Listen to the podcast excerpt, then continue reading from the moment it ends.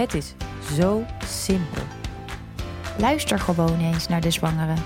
En Liens partner. Dit is Wijzer in Verwachting. De podcast van Dr. Mama met geboorteverhalen waarin je een echt beeld krijgt van wat de geboorte inhoudt. Voor jou. In elke aflevering ontvangen we nieuwbakken ouders die hun verhaal met ons willen delen. We duiken het verhaal dieper in en ontrafelen gevoelens en gebeurtenissen.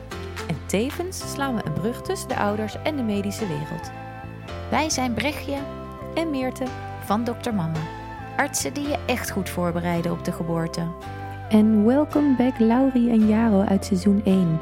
Deze week over de geboorte van hun tweede dochter, Liv. 34 weken Ja, op de dag. op de, op de dag nauwkeurig dezelfde dag als de vorige keer. Ja. We zijn toen 's ochtends nog bij de verloskundige geweest. En zij had ons echt op het hart gedrukt dat, eh, dat het heel zeldzaam was dat cholestase twee keer bij dezelfde vrouw voorkwam. Eh we hoefden ons echt geen zorgen te maken. En eh, wij fietsen naar huis en op de, op de fiets zegt Lau tegen mij... Ik heb jeuk aan mijn handen. ja. Dus dat is teken 1 van, eh van cholestase. Volgens mij werd het ook vrij snel erger. Veel, ja, heel Ja. veel erg. Dus met, met het uur eigenlijk. Ja, we hebben ik, eind van de middag gebeld. Toen konden Ja. we de volgende dag in het ziekenhuis terecht voor de meting. Toen waren je waardes alweer door het dak. Ja. Volgens mij zeiden ze toen tegen ons. Maar protocollen zijn een beetje veranderd. Dus voor 36 weken doen we niks meer. Ze hebben pillen om eh, die jeuk tegen te gaan. Zodat ik misschien ergens toch een keer kon slapen. En die kreeg ik toen. Die zei ook van ja, dus, dus dit gaat nog tot week 36 zo zijn. We kunnen nu niks meer voor je doen. Succes. Zijn we, nou, we hebben daar voorzichtig een discussie over geopend. Ja, maar dat was echt verschrikkelijk. Dat, dat, daar wilden ze echt niks van weten. Maar ja, goed, het was gewoon ontzettend zwaar met die jeuk. En er was eigenlijk niks aan te doen. En pijn natuurlijk van het, van het krabben. Eh, overal blauwe plekken. Nou ja, gewoon ellende. Tweede afspraak bij de verloskundige. Toen zouden we de bevalling doorspreken. De inleiding. We zouden dinsdagochtend zouden we beginnen. Ja, Dat was volgens hun zou ik ingeleid worden. Ja. dag 1 van de 36 weken. Ja. En zondagnacht zei jij tegen mij... Ik heb zo'n buikpijn. Jij riep eigenlijk de hele tijd al... nee, het gaat nu beginnen. Dit zijn weeën. We moeten timen. Ik wil weten hoe dit gaat. Eh, je, was, je was er echt bovenop. En ik zat de hele tijd... nee, nee, nee, nee, nee. Dit kan niet. We gaan, we gaan dit niet doen. We gaan niet meten. We gaan niet opletten. Ik wil gewoon slapen. Laat me met rust. Want ik wilde ook gewoon niet hopen op, op geen inleiding. Ik, ik dacht, nou, dit is te mooi om waar te zijn. Kan niet zo dat het, dat Dit het natuurlijk eh, gaat. De zondagavond heb ik het ziekenhuis gebeld. Toen zei ik, joh, mochten we nou natuurlijk bevallen of mochten het... maar Wat moeten we dan doen? Want ik was het gewoon echt helemaal kwijt en ik had er ook geen rekening mee gehouden. Toen, toen zei die vrouw, nou als je iets merkt, het is je tweede kind, dus eh, eh, bel dan meteen. Ja, ja wat is een briefje met die nummers. ja. Dat lag ook ergens tussen de papieren. Ik weet nog dat we dat, dat, we dat toen s'nachts, uh, dat we daar naar op zoek moesten.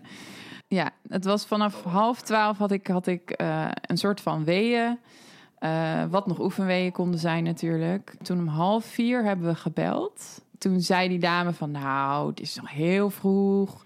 En uh, het zijn, zijn nog niet zulke heftige weeën. Komt nog niet zo vaak. Waarschijnlijk is het gewoon een oefenwee. En ga maar lekker even douchen. Als ze nou om zes uur nog steeds wakker zijn, als het erger wordt, moet je meteen bellen. Maar als jullie om zes uur nou nog steeds bezig zijn, kunnen jullie wel even langskomen. Maar ik denk dat jullie dan gewoon al lekker liggen te slapen. Nou, dus Jaro mij onder die douche hijsen, had ik helemaal geen zin in. Paracetamol erin. En wij wisten eigenlijk meteen al toen ik stond van nee, dit zijn echt weeën en het is nu echt, echt begonnen. Ja, toen heb ik om vijf uur teruggebeld en gezegd, joh, ik denk dat, dat we gaan beginnen.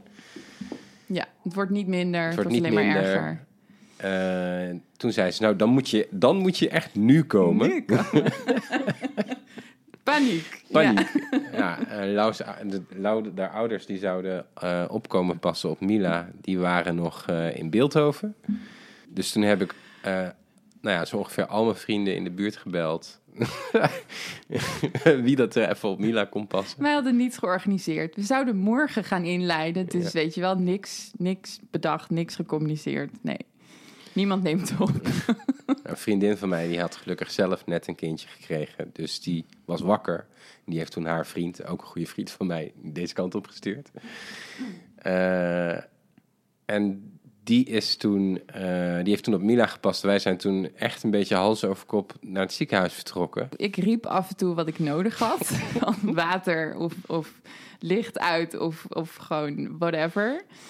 Dat je ergens anders moest gaan bellen. Dat heb ik ook nog gezegd, volgens mij. Mila die was wakker geworden van alle commotie. Dus ja, om half zes, hè, of zat, zo. Ja, die zat Ja. op de bank weer niet de poe te kijken. Toen ik echt een beetje zo wee moest gaan opvangen... hing ik aan, aan het bed en aan de bank een beetje te, te puffen. Dat ging nog best oké. Ehm, en ik had mijn playlist aanstaan. Voor de wel. Ja, dus dat was, dat was wel fijn. Ik zat wel al best wel oké in mijn bubbel. ehm, Ja, meteen eigenlijk. hè. ja. Dat is Ja. de, eigenlijk was de transitie naar het ziekenhuis was het grootste shockmoment, denk ik. En ik had geen zin om Lau ver te laten lopen, dus die heb ik eerst voor de deur afgezet. Toen ben ik de auto gaan parkeren. Toen ben ik daar, geloof ik, ergens tegen een muur of een pilaar gaan staan. Zo met mijn, met mijn handen voor mijn ogen in die doek. Mijn telefoon naast mijn oor met die playlist. Zo van, ik ben er niet. Ik sta hier, maar weet je wel, laat mij maar. Totdat jij me kwam halen. Je hebt mij toen in een rolstoel gezet. Zat ik ook echt zo met, zo met mijn haar voor mijn ogen in die doek. Zo, ja, gewoon afwezig. Zo van, laat mij met rust. En het volgende wat ik me herinner is eigenlijk gewoon pas die, echt in die bevalkamer. En toen gingen ze het CTG ja. eh, omdoen, ging ik me omkleden, gordijnen dicht, muziek aan, licht uit en installeren. En volgens mij duurde het ook even voordat de verloskundige zich kwam voorstellen. Hebben ze ons toen druk, even gelaten. Ja. Die kwam op een gegeven moment echt zo heel voorzichtig, zo van... eh, Hoi, kan ik even? Keek ze me zo aan. En iedereen had mijn bevalplan gelezen. Letterlijk iedereen. Dat was echt fantastisch. Ik denk dat we drie of vier koos gezien hebben in, in die paar uur dat we daar waren. En dat iedereen, en dat zelfs die zei, ja, eh, we hadden gehoord dat eh, de vorige bevalling eh, nou niet zo heel prettig verlopen was. Dus ja, we hebben in ieder geval je bevalplan goed gelezen. iedereen. We hebben het toen nog ergens over gehad, wat ik in mijn bevalplan had staan. Bij die tweede verloskundige, die, eh, die gaf meteen aan. En die gaf meteen aan. Toen zei ik, ja, weet je, ik, ik wil gewoon geen discussie hebben over shit.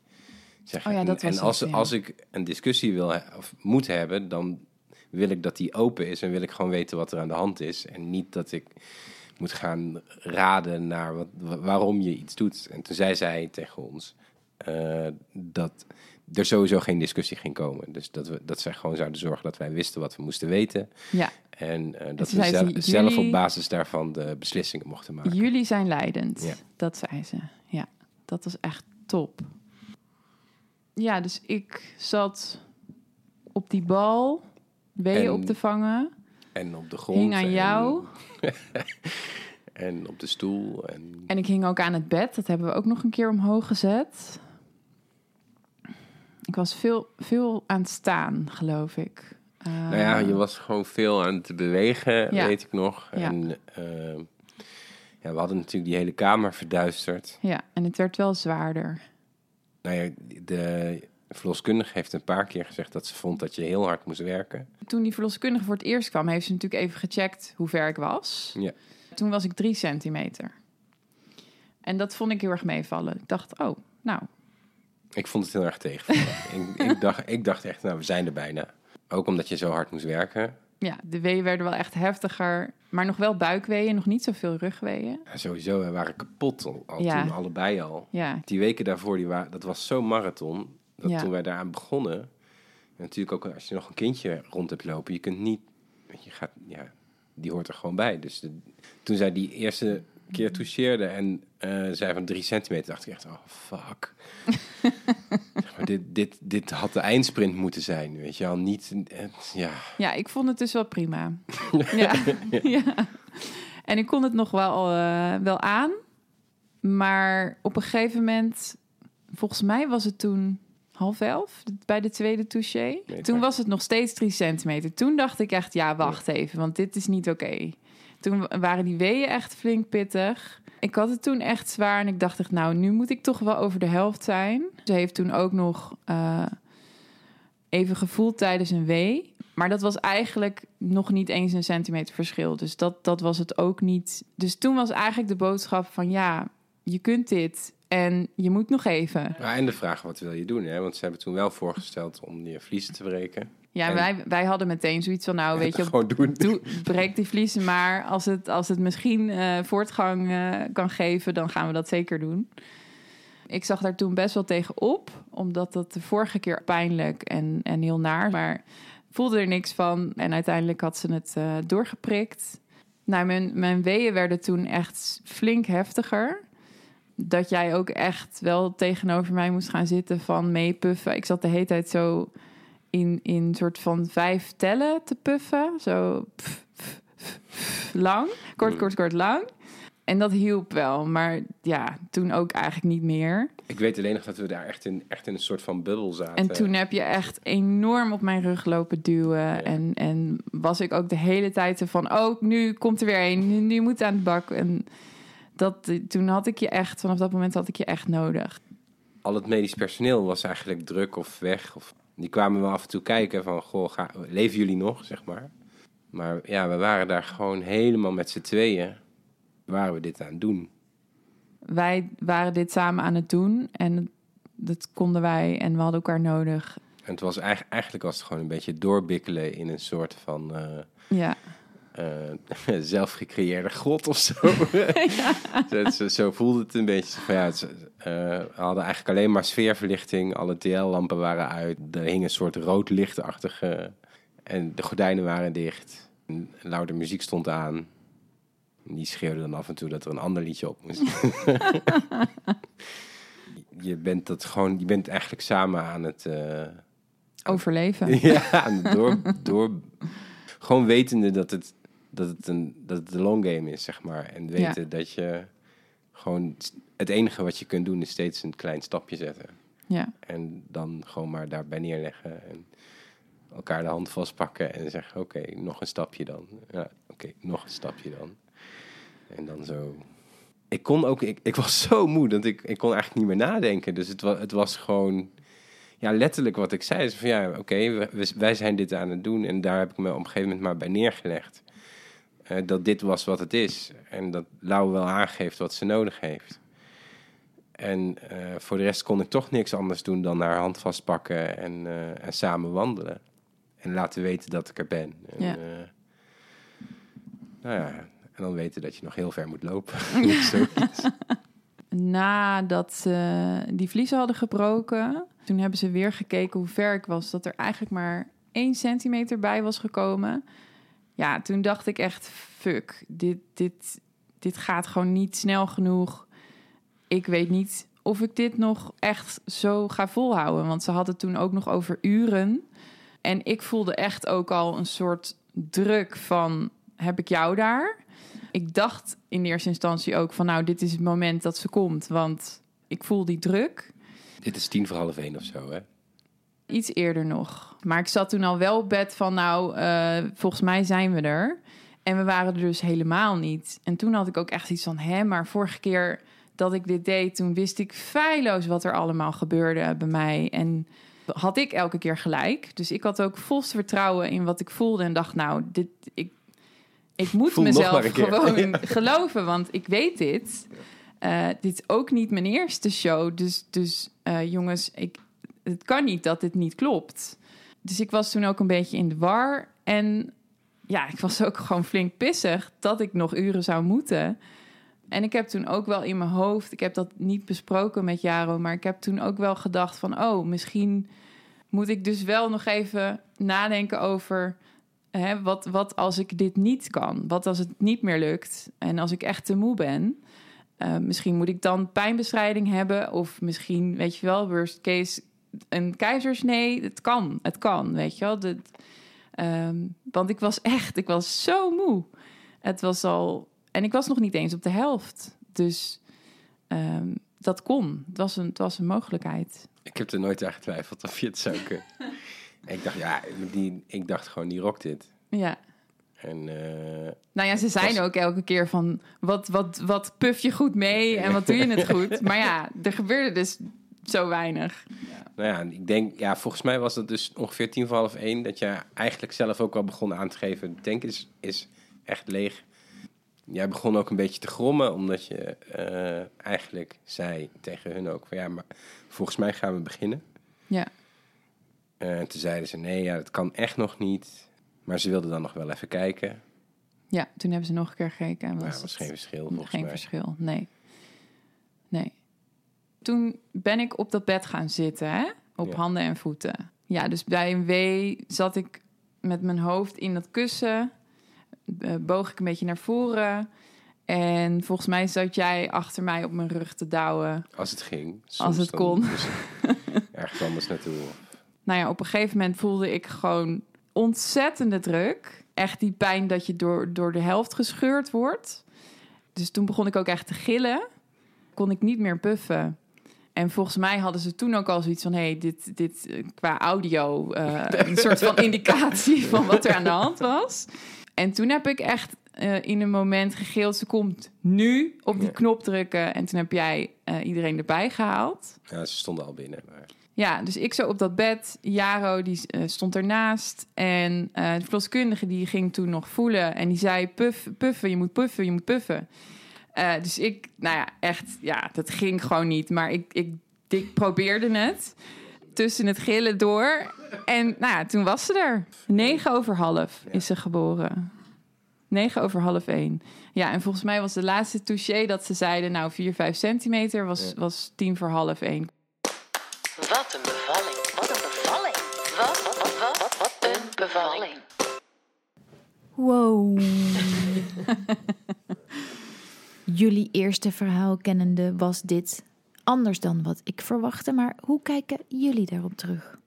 Ik bedacht me net dat toen het begon, toen ik zeker wist van hè, dit zijn weeën en we gaan, eh, we gaan nu bevallen, dat ik echt intens gelukkig was.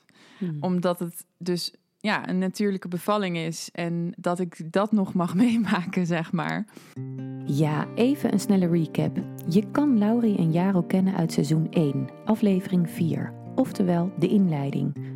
Bij hun eerste kind kregen ze te maken met cholestase, hals over kop een inleiding, een oerbevalling waarin ze samen heel diep gingen en krachtig waren, maar de hulpverlening te weinig oog had voor hen en vasthield aan protocollen.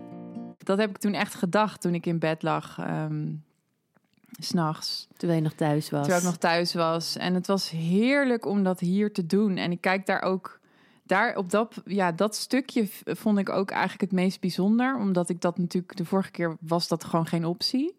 En had ik daar echt afscheid van moeten nemen. En dat was nu was zo fijn om gewoon aan te rommelen. En, en weet je wel, dat je gewoon hier een beetje kunt kijken waar het fijn is. En was gewoon heel prettig. Was heel relaxed. Bijna romantisch. Ja, best wel. Ja, ja. Eigenlijk precies zoals ik het in mijn hoofd had. Ja. En gold het ook voor jou, eh, Jaro? Want ehm, jij, jij was Jij all was over the bezig. place. Ja, ik, ik ben meestal net iets meer van het voorbereiden dan, zeg maar. Mhm. Ik hou er niet echt van als ik eh, op zo'n moment nog moet bedenken wat ik moet doen. En op zich, ik had het allemaal wel, ik bedoel, we hebben het allemaal al een keer doorgesproken. En eh, ik wist wel wat ik moest doen. Maar ik, ik had niet dat romantische gevoel van... Ik was blij voor Lau natuurlijk, omdat Mhm. ik wist dat ze, dat ze dit heel graag wilde. En dat, dat, ze, dat haar dit vorige keer niet gegund was. Ja, we hebben het niet eens besproken wat, wat als we een natuurlijke bevalling Nee. zouden hebben of Nee, zo. nee. Terwijl We wilden het er eigenlijk niet over hebben. jij niet. dus eh, ik was, op, op die manier was ik natuurlijk heel blij voor haar. Hoewel, ik weet wel dat ik een, soort van opgelucht was. Omdat ik eigenlijk van meet af aan het gevoel had dat die baby eruit moest. Mhm. Die baby zit daar niet meer gezond te wezen, zeg maar. Of die zit daar niet... Hè, die, dit is niet goed voor haar. Eh, dus dus laten we maar gewoon beginnen. Ja, want jullie, jullie hadden eh, voor de tweede keer cholestase. Ehm, Ja. Die hadden jullie wel zien aankomen en verloskundige niet. Maar jullie beschrijven ook heel erg in het verhaal aanlopend naar de bevalling toe... dat, dat, dat het ingewikkeld voelt in die spreekkamer... omdat jullie niet dezelfde taal spreken. Jullie hebben eigenlijk allebei een soort ander, andere belangen. Want de Ja. vorige keer was het heel anders. Nou ja, de, de Ja, eerste klopt. keer dat wij daar aankwamen, dat was ook best wel opvallend. De, de vorige keer, eh, toen waren, kwamen wij heel relaxed aan eigenlijk. Hè, van ja, we, eh, we ko- we komen even bloed prikken, zeg maar. Dat was een beetje het gevoel. Zo heel, ja, het zal wel niks zijn, maar voor de zekerheid. En toen was het daar ineens brand. Ja. Ja, van Dus we weten toen- niet of jullie nu nog naar huis gaan eigenlijk. Precies. Ja, Dus ja. toen waren er ineens allemaal mensen waarvan je denkt, nou, deze mensen die weten het. En die rennen dan rond met hun handen omhoog. Met, ja, brand, wij weten het ook niet, zeg maar. Zo Nee, voelde het. Ja. En eh, deze keer kwamen wij dus aan met een beetje het gevoel van... oké, Wij hebben gelijk, we gaan nu eh, in, nou ja, in actie ja, komen. eh, dit is het moment waarop we iets gaan doen. want we weten dat dit serieuze shit is. En dan zeggen mensen, ah joh, twee weken. Kom dan maar terug. Laat het maar even afbranden daar. Ja, precies. Dus, en wij keken elkaar wel echt aan dat we dachten... oké, wa- waarom roept er niemand brand? Ja. Waar- waarom is er niemand in paniek? Waarom is er... Ja, het vo- het voelde echt een beetje alsof het een beetje zo... Ah joh, kijk, over Ja. twee weken komt het vast wel goed. Het voelde heel... eh, dat contrast was heel groot. ja, echt een beetje omgekeerde wereld.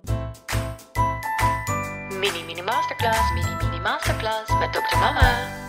Zwangerschapscholestase is behalve een goed woord voor Scrabble de medische term voor galstuwing tijdens de zwangerschap. Wat je vaak als eerste opmerkt, en wat bij de meeste zwangeren ook het belangrijkste verschijnsel is, is jeuk. De jeuk kan echt ondraaglijk zijn, is over het hele lichaam aanwezig, maar concentreert zich vaak op handpalmen en voetzolen. Behalve zogenoemde krabeffecten, afwijkingen op de huid die komen door het krabben, zie je geen huidafwijkingen. De jeuk treedt vooral op in de nacht. Zeg maar dag tegen je nachtrust. Zwangerschapscholestase komt meestal voor in het tweede en derde trimester. De diagnose wordt gesteld op basis van de kenmerkende jeuk en een verhoogde concentratie galzuren in het bloed. Behalve dit weten we eigenlijk best wel weinig van zwangerschapscholestase. Het komt in Europa bij 0,1 tot 2 procent van de zwangerschappen voor. Het is onbekend hoe het ontstaat, maar het wordt beïnvloed door genetische, hormonale en omgevingsfactoren. Zo is het herhalingsrisico hoog in een volgende zwangerschap, zo'n 45 tot 70 procent. Heb je een hogere kans dat je het krijgt als het in de familie voorkomt, maar ook het seizoen heeft invloed. Het komt vaker voor in de herfst- en wintermaanden. Als je het in een tweede zwangerschap opnieuw krijgt, treedt het vaak iets eerder op dan in de eerste zwangerschap. Er is medicatie die de symptomen van jeuk kunnen verlichten en die kunnen er ook voor zorgen dat de galzuurconcentratie weer wat afneemt.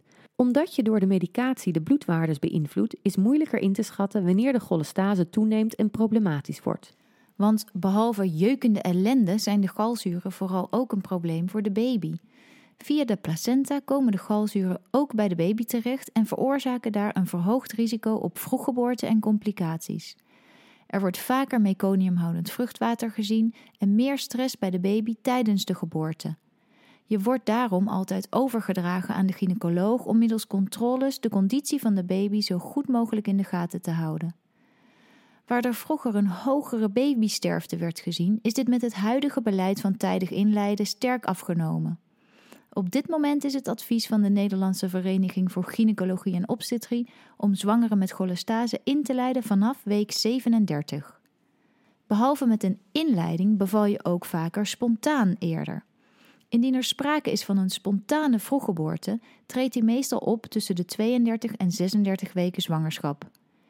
Een mogelijke verklaring voor het optreden van weeën voor de uitgerekende datum wordt gevonden in de toegenomen gevoeligheid voor oxytocine en toegenomen expressie van oxytocine-receptoren bij vrouwen met zwangerschapscholestase. Vanwege deze verhoogde gevoeligheid kun je bij een inleiding mogelijk ook sneller reageren op de weeënopwekkers. Een snufje oxytocine in het infuus kan al een behoorlijke reactie opwekken. Het is daarom goed om vooraf het beleid met de gynaecoloog door te spreken. Als de bevalling achter de rug is, dan is de rollercoaster van klachten meestal ook snel voorbij. De jeuk is vaak binnen enkele dagen verdwenen en de bloedwaardes normaliseren. Mama het. Maar zo'n twee weken Mhm. veel onrust, denk ik, daarmee geweest. Ja, ontzettend. Ja. Maar in de gesprekken met het ziekenhuis wel elke keer net voldoende gerustgesteld om naar huis te gaan. Of was er ook gewoon, ja, er was gewoon geen spel tussen te krijgen. Dat was eigenlijk vooral, hè? Nee, het was, het was echt... eh, Maar ook wel gerustgesteld. Ja, Die, mensen die, die- ja. ze kwamen echt Ze hebben wel het uitgelegd, over. ze hebben En, het eh, ja. toegelicht. En Ja. we, we hebben ook een plan gemaakt natuurlijk. Ja. Dus dat is dan heel fijn. Dat je wel weet, er zit een einde aan het lijden. Ja. ja. Dus je kon je daaraan overgeven. Ja, en ik eerlijk gezegd, ik was ook te moe om het dan helemaal te gaan stressen en eh, na te denken over wat als. Ik had daar niet zo'n last van. Ik wilde gewoon aanpakken, eigenlijk. ja, en dan begint dus de bevalling eigenlijk de nacht voordat jullie de volgende dag een ballonnetje zouden krijgen. Ja. En jullie beschrijven volgens mij ontzettend mooi hoe jullie de afzondering weten te maken. Ja, er was heel veel rust. En ik weet nog dat eh, ook een verpleegkundige binnenkwam die zei: Zo, lekker sfeertje hier. dat die muziek stond aan. En eh, weet je, het was vrij donker. En wij zaten gewoon eh, met z'n tweeën. Ja, dus het was, het was heel erg samen en, en heel erg samen in die bubbel. Dus je zegt, we creëren daar dus helemaal sfeer. Mhm. Om wetende dat we in een hele medische setting. Het klinkt alsof je je dit hebt voorgenomen om deze bubbel dan ook bewust te creëren. Wat, wat in de voorbereidingen hebben jullie anders gedaan dan de eerste keer? Eigenlijk niet Eh, zoveel. Nee, niet zo heel veel. Dit was de vorige keer ook het, ook het idee.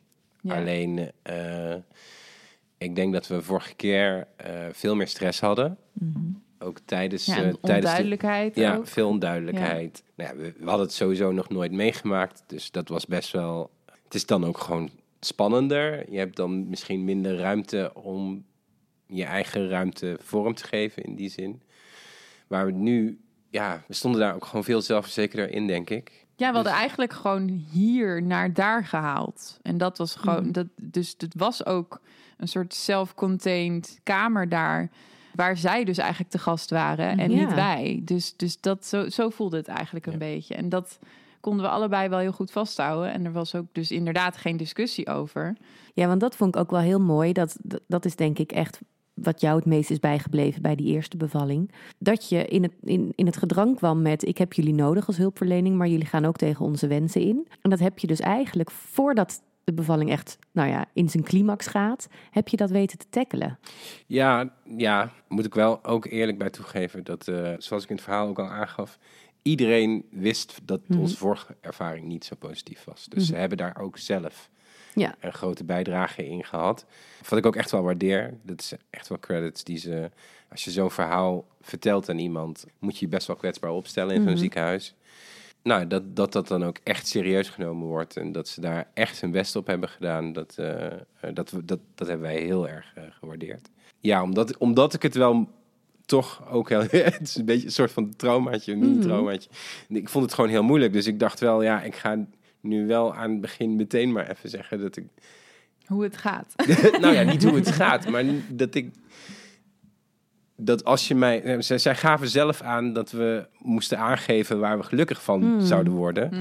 En dan denk ik, ja, dan moet ik dat dus ook even aangeven. Ik wil, ik wil niet graag echt discussies moeten voeren, want daar ben ik nu niet. Ik ben nu bij haar en, en ik wil doen wat voor haar belangrijk is en niet met jou in discussie moeten, omdat jij ook iets belangrijk vindt. En gaf het je inderdaad wat je, wat je Ja, hoopte? absoluut. Gaf het meteen opluchting en ruimte? Ja, absoluut. Al is het maar voor jezelf. Hè. Je hebt gewoon Mhm. aangegeven wat je wil. Ja. Eh, dus je kunt, je kunt dan ook gewoon zeggen, joh, ik heb dit aangegeven. Loslaten. En mogen maar niet dat het nodig is geweest. Maar Nee. je, je weet gewoon voor jezelf meteen zo, oké, dit, is, dit is besproken. Laat, lekker laten gaan. En het is misschien meer voor jezelf nog dan voor hun in die zin. Ja, want zij hebben al met rood en onderstreept in mijn dossier staan. Uitroeptekens. Care. nee, maar goed, als je zegt het is vooral voor jezelf, dat is natuurlijk bij uitstek het allerbelangrijkste in jullie bevalling, in jullie feestje. Ja. dat Ja. het gaat wat Ja. voor jullie belangrijk is. En, en dan heb je dus eh, lering van een vorige keer. Daar, daar maakt natuurlijk een heel groot verschil dat je Zeker. veel beter weet wat echt belangrijk is voor jullie.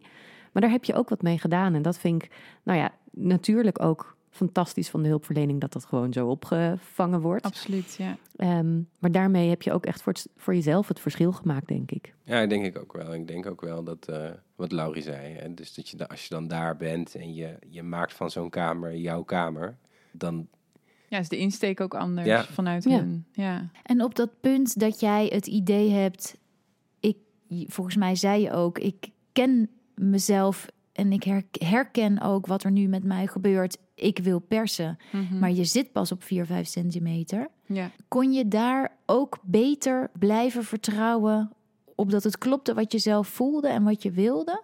Ja, ik, ik had op zich, ja, ik had wel een, een twijfel. Ja, misschien gewoon een moment van, ik bereid me voor op wat als, als het toch niet gaat zoals ik denk dat het gaat.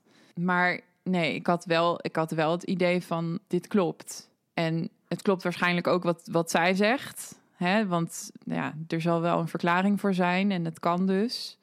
Maar ik dacht wel van, het gaat, het gaat niet uren nog duren.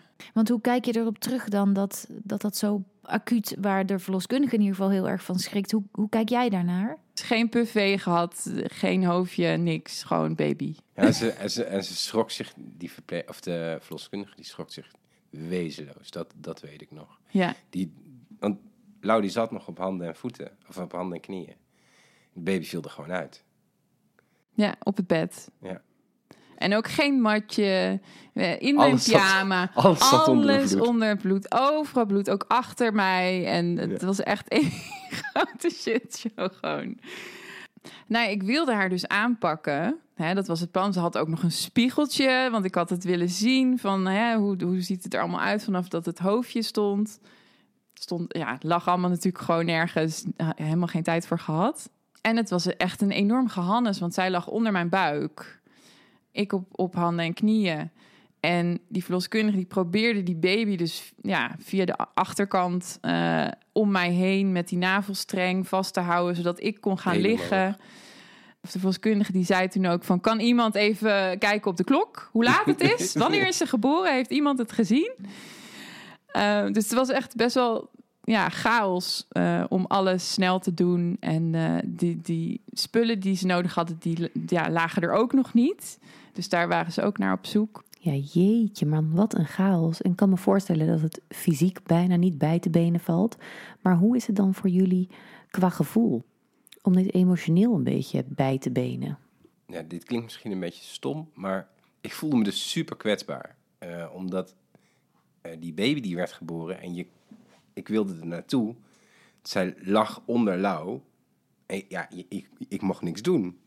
Dus die, eh, de, de- ja, als een soort... ehm, het is dan net of er een soort van eh, gordijn dichtgetrokken wordt. Weet je, alle verpleegkundigen eromheen. Ja, Iedereen iets doen. Van, eh, En jij staat zo, hé, maar wacht even, dit is, dit is mijn babytje. Afblijven. zo voel je je een beetje. En ik weet nog dat, dat, ja, weet je, het hoort erbij, maar je, je kunt er heel weinig aan, aan doen. Of je, je kunt heel weinig met jezelf op dat moment. Of ik kon heel weinig met mezelf. Dus ik voelde me heel machteloos. Nou ja, het is dus grappig, want die verloskundige die heeft toen ook tegen mij gezegd van... joh, het kan dus zijn dat het nog niet voelt alsof dit jouw kind is. Want het is zo snel gegaan. Eh, hou er rekening mee dat dat misschien even kan duren. Je bedoelt achteraf, nadat ze al ja, was geboren? Nadat ze er was. Mhm. Dus hè, ze kon gewoon bij ons blijven. Ze lag in een bakje naast, eh, naast het bed. Maar dat je dus mentaal, eh, zei ze, is het heel normaal dat je nog niet Mhm. bevallen bent. Hè, dat, omdat het zo snel ging en omdat je niet dat gezien hebt. niemand heeft haar eigenlijk geboren zien worden. Dus dat zei ze ook expliciet nog tegen mij. Van eh, heb geduld en het is heel normaal dat je daar onzeker over voelt. Of dat je gekke ideeën daarover hebt. Dat, dat gaat allemaal over en het is gewoon jouw dochter. En eh, dat komt gewoon goed. En hoe herstelde zich dat? Volgens mij vooral dat ik even dat we toen eh, champagne hebben gedronken. en gewoon even konden vieren. Hmm. eh, van het is nu echt zo en het is mooi. En, en we hebben het samen geflikt. En ze lag gewoon lekker te slapen in haar bakje. En het was allemaal goed. Ze was helemaal gezond. Deed het supergoed. Ja, moeder is nog langs geweest met Mila. En toen, eh, s smiddags, Oh, ja. ja. volgens mij na een uur of drie of zo, toen eh, kwam Mila en mijn moeder en mijn vader. Ja, toen was ik wel weer helemaal geland en kon ik ook echt genieten van, Mhm. van ons als gezin. Eh, Het met duurde nog best wel lang, toch? Ik, ik, ik herinner me... Volgens mij hebben wij... We zijn deze keer drie of vier dagen gebleven. En ik herinner me dat we op een gegeven moment naar die kamer mochten. Dat, dat, nog best wel lang dat we zo rondliepen. Zo, oké, Wauw. Ja, ja. en, eh, ja. maar ook, zeg maar, ja... Het klinkt heel naar om het te zeggen, maar dat, ik had echt af en toe...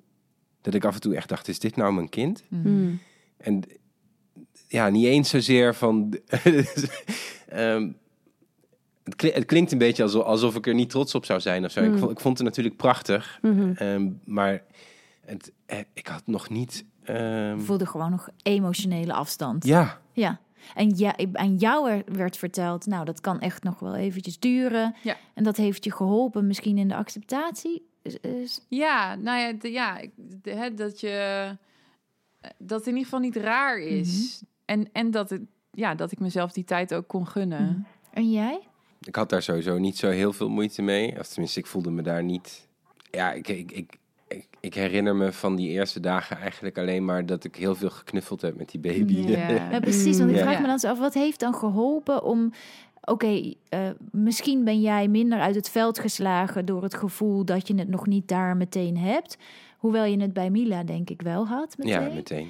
Eh, gelukkig laat je je niet heel erg uit het veld slaan. Maar wat, ehm, wat helpt je dan in dat vinden daar? Ja, nou ja, ik heb dus die eerste dagen heel veel met haar eh, eigenlijk op de bank gelegen. Dus Ja. gewoon eh, met haar op, de op, de, op mijn buik, mijn borst. Ja, heel veel huid op huid. Heel, ja. En het heeft ook nog gewoon... Ja, ik denk zo, zeg maar sowieso als man... Ik bedoel, bij Mila had ik meteen een soort van eh, emotionele verbinding of zo. Of, eh, maar het duurt ook best wel... Ik bedoel, je bent, jij bent niet al negen maanden papa. Hè? Dus waar een moeder is natuurlijk echt al negen maanden moeder. Jij, jij bent er gewoon nog niet. Je moet een inhaalslag maken. Ja, echt wel. En het duurt gewoon even voordat je... Weet je, op een gegeven moment had ik bij Mila ook... Dan ligt daar een baby en denk je, ja, Ja. die slaapt en Ja. die eet. Ja. Ik hou En- van je, maar ik ken Ja. je karakter nog niet. Ik weet niet wie je bent. En Nee. Had jij dat dan niet ook een beetje bij Mila? De, herken je dit? Ik herken het namelijk heel erg. Ik heb ook heel lang gedacht. Als iemand dit kind straks komt ophalen en zegt... nou, dat, dat was het, zo lang, doei. Dan denk ik, ja, oké. Nee, ik had dat helemaal niet bij eh, Mila. Nee. Nee, dat was echt... Voor mij was het dit echt nieuw. Ja. Ik moet wel denken aan. Bedoel, Er zijn een aantal dingen die we echt weten. Dus je, je weet, ehm, bij keizersnedes helpt het dat je de baby geboren ziet worden. Omdat het Mhm. anders voelt alsof iemand gewoon ergens uit een andere doos een baby heeft gehaald. Dat je toch denkt, ja, ik weet niet zeker. ja. Eh, als het niet goed gaat met de baby, dan helpt het als je er helemaal bij betrokken wordt als ouder. Mm. Nu is dus er een enorm verrassingseffect. Want zelfs de hulpverlening ziet het niet aankomen. Alleen Ja. jij wist het vanuit je oer, maar het werd nog betwijfeld. Het, het gebeurt. Het schrik-effect is er dat zij zich eigenlijk overrompeld voelen. En- daarop de gordijnen sluiten, zoals je zegt. Namelijk gewoon eh, om... eh, om, ja, ik wou zeggen, bijna zeggen om het slachtoffer heen gaan staan. Maar zo erg is het ook niet. Maar eh, in actie komen. Iedereen met zijn extra handen. Met wel, nou ja, duidelijk wat eh, coördinatiepaniek. Want er stond niet van alles in één keer klaar. Ja. Maar daarmee eh, schermt het ook wel dus jou af. Dus in plaats van dat je erbij betrokken wordt. Als zijnde, oh ja, jullie zijn nu samen ouders geworden. Moet jij je eerst nog helemaal omdraaien. Ja. En ja, jij moet jezelf weer invechten in een positie. En kan me wel voorstellen dat naast dat het gewone variatie kan zijn, of dat je inmiddels dus zoveel ehm, herkenbare liefde voor Mila hebt en met een nieuwe baby opnieuw moet beginnen en dat dus wat duidelijker voelt. Ja, dat het allemaal factoren zijn die wel meewegen en dus heel normaal zijn, maar dat je, ja, ik vind, ik vind het ook wel heel Ja. ja, kwetsbaar en mooi om te horen, net zoals wat je zegt, eh, dat dingen ook anders mogen zijn terwijl ze nog steeds binnen het normale vallen. Dit is gewoon ook Ja. hoe het kan. Ja, ja. Dat, dat pakte die verloskundige in ieder geval heel goed aan, vond Ja. ik. Ja. Ah, kleine lief, Koolse de Dee.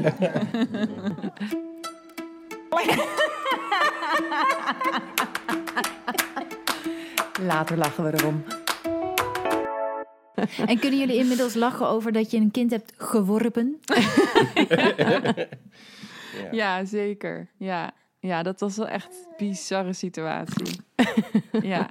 Nou ja, ik, ik vertel inderdaad over deze bevalling heel vaak van... Ja, ik ging in 20 minuten van 5 centimeter naar baby. ja, echt. Dus dan moeten mensen inderdaad wel lachen van schrik, zeg maar. Ja. Want wat kan je anders? Ja.